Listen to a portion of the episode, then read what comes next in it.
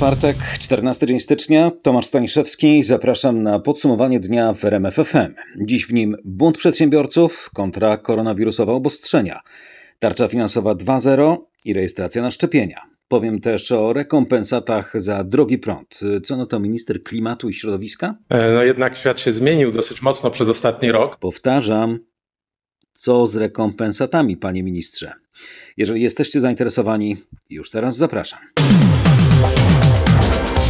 Od marca wszystko zaczyna się i kończy od koronawirusa, więc na początek liczby. W podsumowaniu dnia w RMFFM teraz Grzegorz Kwolek. Grzegorzu, przypomnijmy liczby, jakie w najnowszym raporcie przedstawiło dziś Ministerstwo Zdrowia. 9436 nowych przypadków SARS-CoV-2, 381 ofiar, i wreszcie wysoka liczba testów. Ponad 78 tysięcy, z czego prawie 14 tysięcy to szybkie testy antygenowe. Najwięcej nowych zakażeń stwierdzono na Mazowszu 1231 i w Wielkopolsce 1058. W innych regionach było mniej niż 1000 przypadków. Najmniej zakażeń potwierdzono Świętokrzyskiem i na Podkarpaciu. Pomocy respiratora potrzebuje 1630 chorych. W szpitalach jest teraz 16 250 pacjentów. Grzegorzu, wśród przetestowanych w ciągu ostatnich trzech dni mamy 80 tysięcy nauczycieli klas 1-3 i pracowników oświaty. Wyniki już otrzymało 60 tysięcy przetestowanych i wiemy, że 1133 z nich otrzymało wynik pozytywny. E, co zatem z powrotem najmłodszych do szkół e, już w najbliższy poniedziałek 18 stycznia? Czy tutaj coś się zmienia? Nie, bo jak twierdzi minister Czarnek, to niecałe 2% do tej pory przebadanych, a wykrycie zachorowań tylko podnosi bezpieczeństwo powrotu do szkół. W tych 2% wyeliminowaliśmy dzięki testowaniu możliwość e, przenoszenia się transmisji koronawirusa w środowisku szkolnym. Od poniedziałku wszystkie dzieci uczące się stacjonarnie będą musiały mieć zapewnioną opiekę na świetlicy. Wrócą też praktyki w szkołach branżowych, nauka w pierwszych klasach szkół specjalnych i zajęcia sportowe w szkołach mistrzostwa sportowego. Tymczasem coraz więcej przedsiębiorców, głównie z branży turystycznej i gastronomicznej, zapowiada nieposłuszeństwo i otwieranie biznesu od przyszłego tygodnia mimo zakazów i restrykcji. W poniedziałek informowali o tym hotelarze i restauratorzy z Beskidów, dzisiaj z Warmii i Mazur. Ale nie tylko. Na Podhalu organizują protest pod hasłem Góralskie Weto. Jak mówią, nie dostają pomocy od państwa lub jest ona niewystarczająca. Jedyną szansę na uniknięcie bankructwa widzą w powrocie do działalności biznesowej, chociaż oczywiście z zastosowaniem reżimu sanitarnego w ich obiektach. Podkreślają, że nie wolno im tego zakazać, ponieważ wprowadzane przez rząd ograniczenia są niezgodne z konstytucją. No i stąd takie reakcje jak bunt restauratorów w Legionowie koło Warszawy. Oni także, mimo obowiązujących obostrzeń, po weekendzie zamierzają otworzyć swoje lokale i podawać posiłki na miejscu. Lokale mają działać dokładnie tak jak w czasie wakacji. Będą odstępy między stolikami, płyny do dezynfekcji i mierzenie temperatury wszystkim gościom. Nie boimy się mandatów, mówi mi właściciel jednej z restauracji Maciej Adamski i dodaje, że już bez nich sytuacja restauratorów jest krytyczna. Czego mam się bać, jak ja już nie mam nic do stracenia? Za chwilę, jeżeli nie otworzę tego, to za miesiąc zamknę to zupełnie i nie będzie do czego wracać. Gdyby przyszła kara, mandat, kilka kilkanaście, trzydzieści tysięcy złotych? Nie będziemy tego przyjmować, będziemy walczyć w sądzie dalej. Te głosy w Legionowie zebrał reporter RMFFM Michał Dobrołowicz. 18 stycznia, mimo obowiązujących zakazów, swoje pensjonaty i restauracje zamierzają otworzyć też przedsiębiorcy z Karpacza, Świeradowa Zdroju czy Szklarskiej Poręby. Czy miliard złotych wsparcia, jakie zaproponował wicepremier Jarosław Gowin, uratuje gminy górskie i działających w nich przedsiębiorców? Czego przedstawiciele turystycznych miejscowości będą domagać się od władz. Wiemy, że dziś w tej sprawie samorządowcy się spotkali, rozmawiali, co ustalili. O tym już Roland Marciniak, burmistrz Świeradowa Zdroju, gość popołudniowej rozmowy w RMFFM. No my przede wszystkim y, rozmawialiśmy dzisiaj o tej tarczy dla samorządów górskich, czyli tym miliardzie podzielonym na dwie transze. Jedna 300 milionów dofinansowania, 80% do zwalniania z podatku i drugich 700 milionów E, to jest dofinansowanie do inwestycji e, samorządowych, e, gmin górskich, inwestycji typowo turystycznych. I znajdujemy tam kilka takich niejasności, jak na przykład proste słowo lub które na, różnie jest interpretowane. No wydaje nam się, że jeżeli jest e, lub, e, czyli skorzystamy z inwestycji lub ze zwolnienia z podatku, no to może być taka interpretacja przy jednorazowym składaniu wniosku, że wojewoda uzna, że jednak można tylko wybrać jedną opcję. Y, Dzwoniliśmy do Ministerstwa Rozwoju, no odpowiadają nam, że jednak możemy korzystać z dwóch y, tych y, wsparć, ale chcielibyśmy naprawdę dla czystości sytuacji i dla no, wielkiego na, na, naszej nadziei, że, te, że to się wdroży w życie, wiedzieć, czy możemy skorzystać z dwóch, y, jednej, czy y, w innych jakichś y, proporcjach. No i liczymy na to, że, że te uszczegółowienia się pojawią lada dzień, bo to jest dla nas dosyć istotne, jeżeli chodzi o gminy górskie. No i przede wszystkim rozmawialiśmy również o, o tym górskim wecie. Dla nas jest bardzo smutne to, że wielu uczciwych przedsiębiorców pchanych biedą do tego, żeby łamać rozporządzenia, no stanie y, w konflikcie z prawem. Naprawdę to jest smutne dla nas wszystkich, że oni na to nie zasługują, że trzeba z nimi rozmawiać. My jesteśmy świetnymi pośrednikami, bo my znamy tę sytuację na dole. My wiemy, kto w jakiej sytuacji. To są niewielkie miejscowości. My mamy 4000 mieszkańców, 400 przedsiębiorców i my wiemy tak naprawdę, kto sobie radzi, kto sobie nie radzi. Byśmy chętnie wsparli, uszczegóławiając tą celowaną dokładnie pomoc do tego przedsiębiorcy, który, który powinien dostać wsparcie. To a propos tej No, pomocy, yy, zamykając wątek, bo miliard złotych, yy, no brzmi dumnie, ale pamiętajmy, że to jest bodaj 200 gmin, które będą mogły z tej pomocy skorzystać. Pytanie, jak to wygląda w przypadku Świeradowa Zdroju? Ile pieniędzy pan może maksymalnie dostać w ramach takiej pomocy dla, dla was? Jeżeli z, tego, co przekazywał minister Gowin na e, kilku dni, kilka dni temu na swojej konferencji, to te 40% do inwestycji dostaniemy około 6 milionów złotych, no i zwolnienie z podatku około p- 1,5 miliona złotych e, naszych o wydatku, czyli z tego 80% e, dostalibyśmy dofinansowania. Czyli Jeżeli jakieś to- 7,5 miliona złotych to jest dużo, jak pan patrzy na te pieniądze? E, to, e, to nie jest dużo, bo trzeba pamiętać, że my musimy jeszcze mieć na, na bieżące utrzymanie miasta. To e, intencją rozumiemy, że ministra Gowina jest to, żeby jednak ten e, impuls inwestycyjny w gminie pozostał, bo my i dobrze minister Gowin dobrze mówi, jeżeli my przestaniemy inwestować jako gminy górskie, podetniemy gałąź, na której siedzimy, bo proszę pamiętać, że jak nasi przedsiębiorcy nie pracują, my nie mamy dochodów w budżecie i my nie inwestujemy. I, I wtedy tracimy ogromnie i podwójnie tracimy miejsca pracy. Nie tylko tracimy miejsca pracy w hotelach i około e, hotelarskich usługach, tylko stracimy również w tych branżach, które są pozahotelowe, nie inwestując w budowlankę. Także no, program jest bardzo dobry, tylko czekamy na szczegóły i to nie jest miliard złotych, tak jak pan słusznie zauważył, ponad 200 gmin. Wiele z tych gmin y, nie ma w ogóle nic wspólnego y, z turystyką, bo są tylko 500 metrów nad poziomem morza.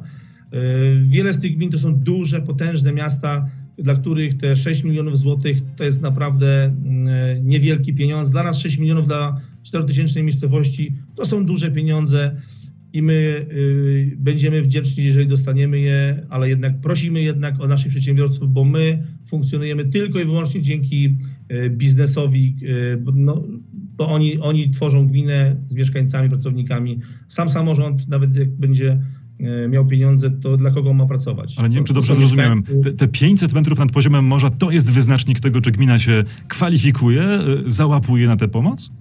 No wyda, wydaje nam się, że minister, mis- minister stosował ten wskaźnik, który jest w GUS-ie, a tam jest podział na te gminy górskie, który mówi o tym, że gmina, jeżeli ma na swoim terenie wzniesienia powyżej 500 metrów nad poziomem morza, traktowana jest jako gmina górska. I to jest około 200, nie powiem z głowy, ale blisko 220 gmin w Polsce, także jest wiele gmin mie- miejskich, które w ogóle nie, nie mają nic wspólnego z turystyką. I one też Natomiast- dostaną pomoc, dobrze rozumiem.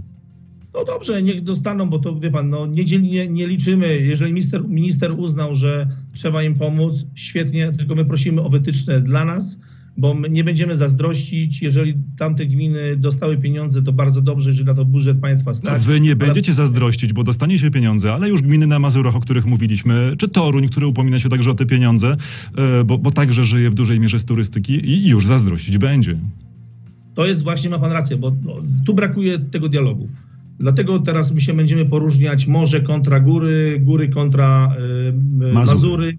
To jest y, niepotrzebne. My powinniśmy, y, kilku przedstawicieli, my, nas jest sześciu burmistrzów i wójtów y, gmin górskich, którzy, którzy reprezentują 50 gmin górskich i mówimy za całą pięćdziesiątkę. Tak samo Morze wybiera dwóch, trzech reprezentantów, mówią za Morze, Mazury mają swój, dwóch, trzech. Spotykamy się z odpowiednimi pracownikami merytorycznymi, którzy tworzą ten program w Ministerstwie Rozwoju i próbujemy konsultować. Nie mówić, co mają zrobić, e, e, ma zrobić minister, tylko konsultować i prosić, na ile budżet stać, bo my jesteśmy świadomi jako samorządowcy, którzy no naprawdę znamy tą krwawicę tych ludzi, te pieniądze, które oni ciężko zarabiają. My jesteśmy realistami. Nie ma innej opcji, tylko musimy rozmawiać o pieniądzach i o, o celnym podawaniu pomocy, bo ci mali przedsiębiorcy, którzy się układają dzisiaj w weto bałtyckie, weto e, góralskie i weto mazurskie, oni e, błagają o pomoc, e, e, no niestety w tak bardzo emocjonalny sposób, ale trzeba ich wysłuchać. 500 metrów nad poziomem morza, jak słyszeliście, robi różnicę. Rząd w poniedziałek podjął uchwałę o przeznaczeniu około miliarda złotych na pomoc, ale wziął pod uwagę jedynie niewiele ponad 200 gmin górskich. Czym góry różnią się od Mazur? Cała popołudniowa rozmowa w RMF FM Marcina Zaborskiego z burmistrzem Świeradowa Zdroju Rolandem Marciniakiem na filmie jest na dobrze poinformowanej stronie. rmf24.pl. Wchodzisz, wiesz. Tymczasem jutro, 15 stycznia, rusza tarcza finansowa 2.0. Pomoc o wartości 13 miliardów złotych jest skierowana do mikroprzedsiębiorców oraz małych i średnich firm. To nie jest mała kwota, ale skuteczność tej tarczy będzie zależała od szybkości rozpatrywania wniosków i wykonywania indywidualnych przelewów. W programie uczestniczyć będzie 17 banków komercyjnych i większość banków spółdzielczych. Jak informuje bank PKO SA, jego klienci, w tym byłego Idea Banku, od północy z czwartku 14 na piątek 15 będą mogli składać już wnioski z pomocą bankowości elektronicznej PKO24, PKO Biznes 24 oraz Idea Cloud. Protesty przedsiębiorców chyba odnoszą skutek, ponieważ rządzący zaczynają rozważać wycofywanie się z koronawirusowych ograniczeń. Ale z drugiej strony zamierzają powstrzymywać zdesperowanych, którzy mimo zakazu uruchomią swoje biznesy groźbą stosowania surowych kar. Na początek otwarto by sklepy w galeriach handlowych być może już od lutego. W drugiej kolejności ewentualnie hotele. Wciąż zamknięte miałyby pozostawać siłownie i restauracje być może nawet do wiosny. Przede wszystkim chodzi o to, aby utrzymać na jak najniższym poziomie mobilność społeczną, a z tym oczywiście związane są pokusy w kontekście wyjazdów właśnie poferyjnych, więc tutaj nie mówimy w ogóle o możliwości otwarcia na ten moment przynajmniej bazy noclegowej właśnie czy, czy, czy kurortów turystycznych. Mówiła wiceminister rozwoju Olga Semeniuk. A teraz w podsumowaniu dnia przypominam o rejestracji. Od piątku 15 stycznia na szczepienia przeciwko koronawirusowi będą mogli rejestrować się seniorzy powyżej 80 roku życia. Od 22 stycznia osoby powyżej 70 i szczepienia tych osób należących do tzw. grupy pierwszej rozpoczną się już 25 stycznia.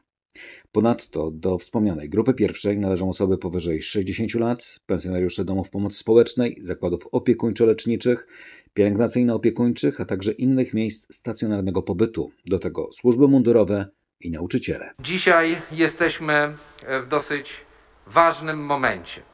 Wchodzimy w kluczowy etap szczepień w tym tygodniu.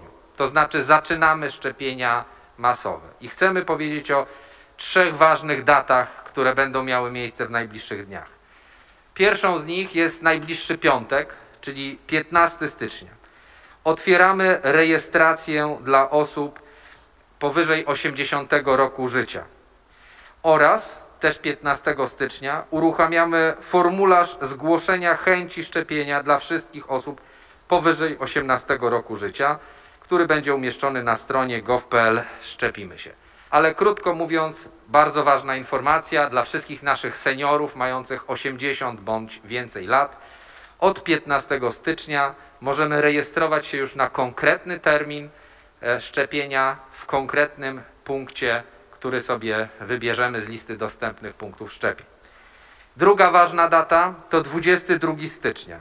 Otwarcie rejestracji dla, dla osób powyżej 70 roku życia. Do tych seniorów, którzy mają 80 bądź więcej lat, 22 stycznia dołączą, jeśli chodzi o rejestrowanie, seniorzy 70-letni e, czyli między 70 a 79 rokiem życia i od tego momentu będą już się mogli szczepić e, wszyscy seniorzy, e, przepraszam, rejestrować wszyscy seniorzy powyżej 70 roku życia.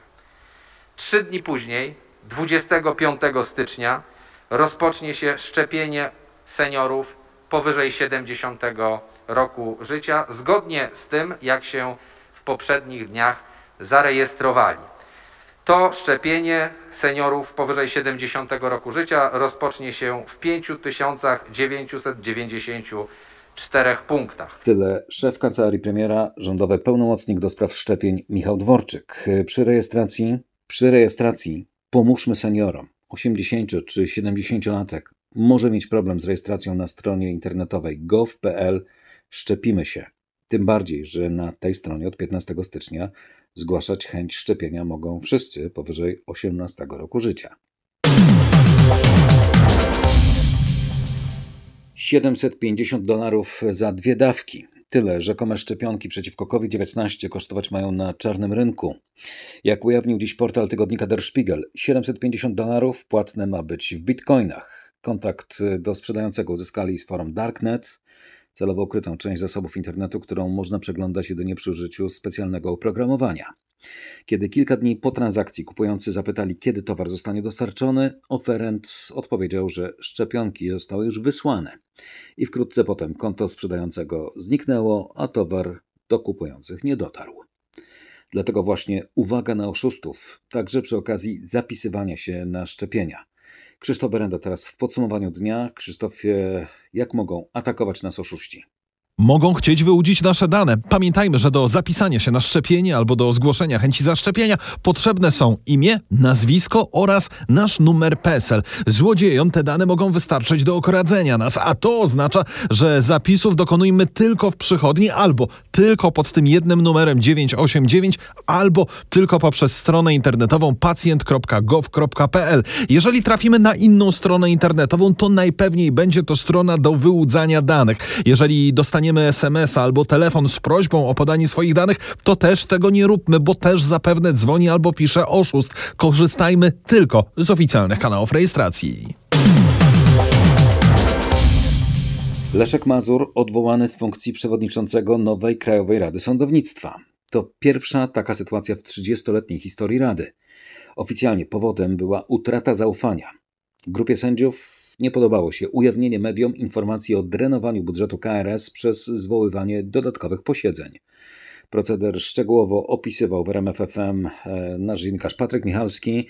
E, Patryku, przypomnijmy, odwołany razem z Mazurem został też rzecznik prasowy Krajowej Rady Sądownictwa. Tak, chodzi o sędziego Macieja Miterę, który zwraca uwagę, że przepisy nie regulują odwołania przewodniczącego, dlatego ma on wątpliwości, czy było to zgodne z prawem.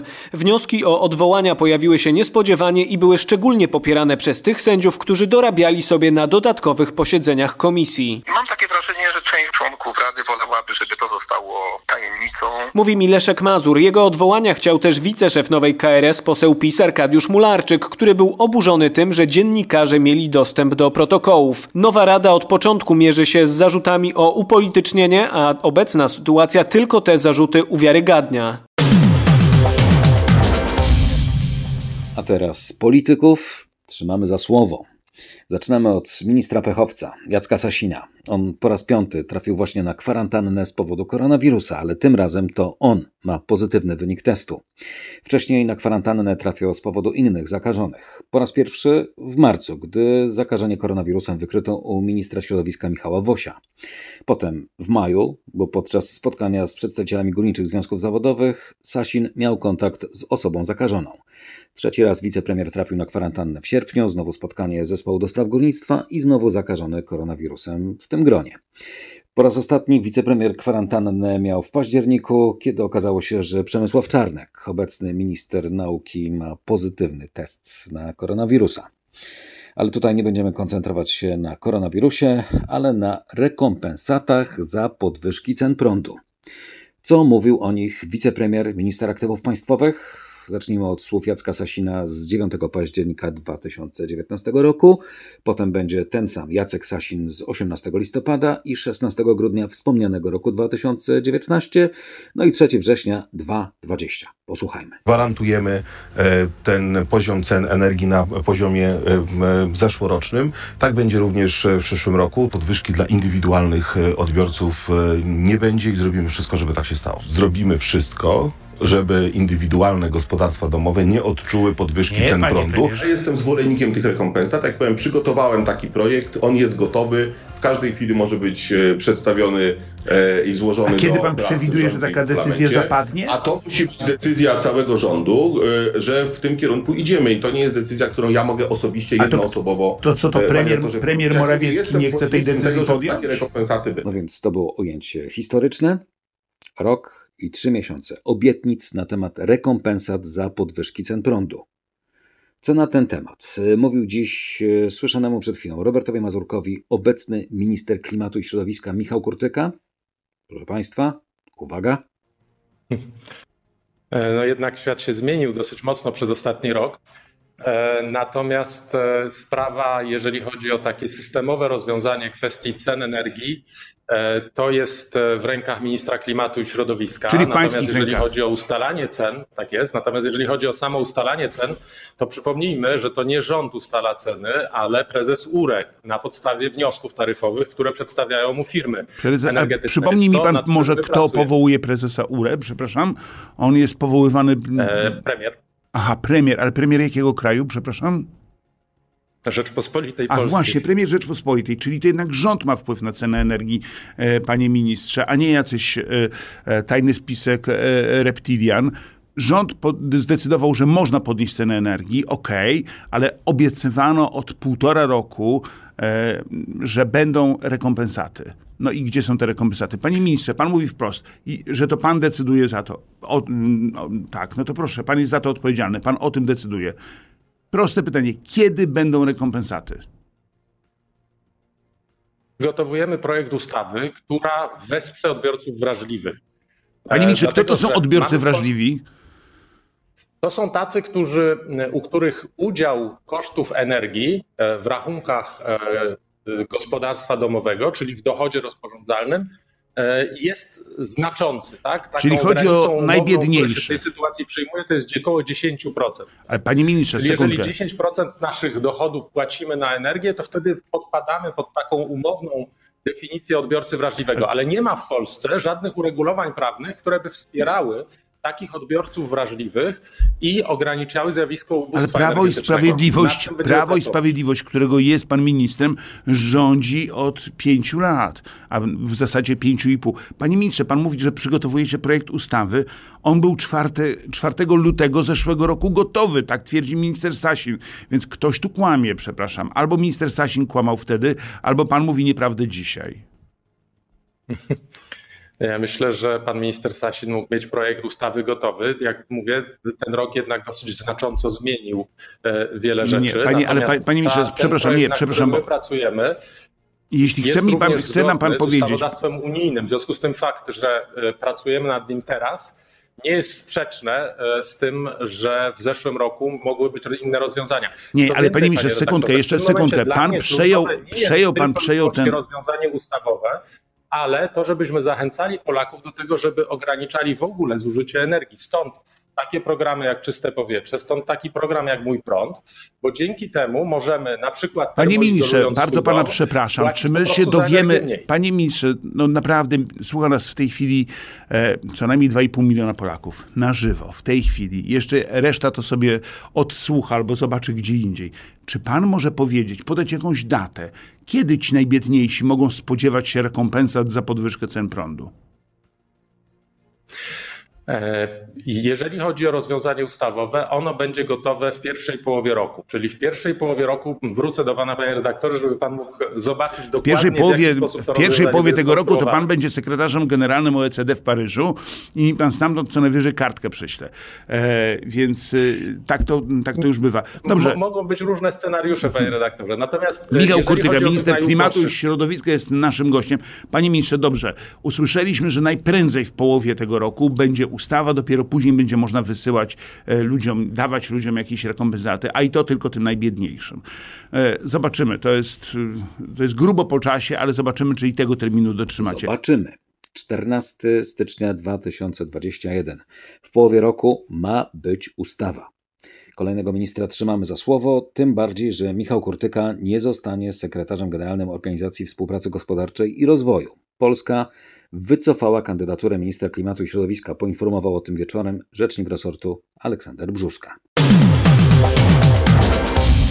Jackowi Sasinowi oczywiście życzymy zdrowia, a byłemu ministrowi Jerzemu Kwiecińskiemu gratulujemy nowego, dobrze płatnego stanowiska. Były minister inwestycji i rozwoju, potem minister finansów. W zeszłym roku prezes Polskiego Górnictwa Naftowego i Gazownictwa został właśnie wiceprezesem banku PKO SA. Z fotela w PGNiG zrezygnował sam pod koniec października ubiegłego roku. Firma informowała wtedy, że powodem decyzji były sprawy osobiste, a my w RMFFM informowaliśmy o konflikcie Kwiecińskiego z szefem Orlenu Danielem Obajtkiem. Zatem i nie ma mocni 2021?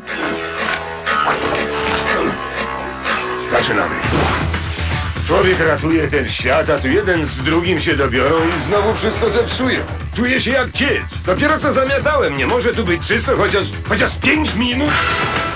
Ja tam swoje wiem i ja widzę, co się tu kroi.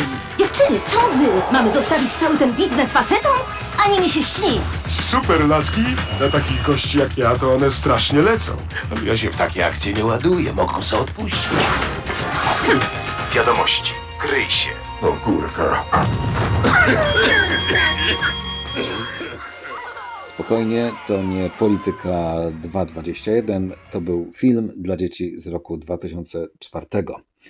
I nie ma mocni. A propos latorośli, wnioski o wydanie licencji dla trzech synów byłej wicepremier Jadwigi Emilewicz trafiły do Polskiego Związku Narciarskiego 7 stycznia.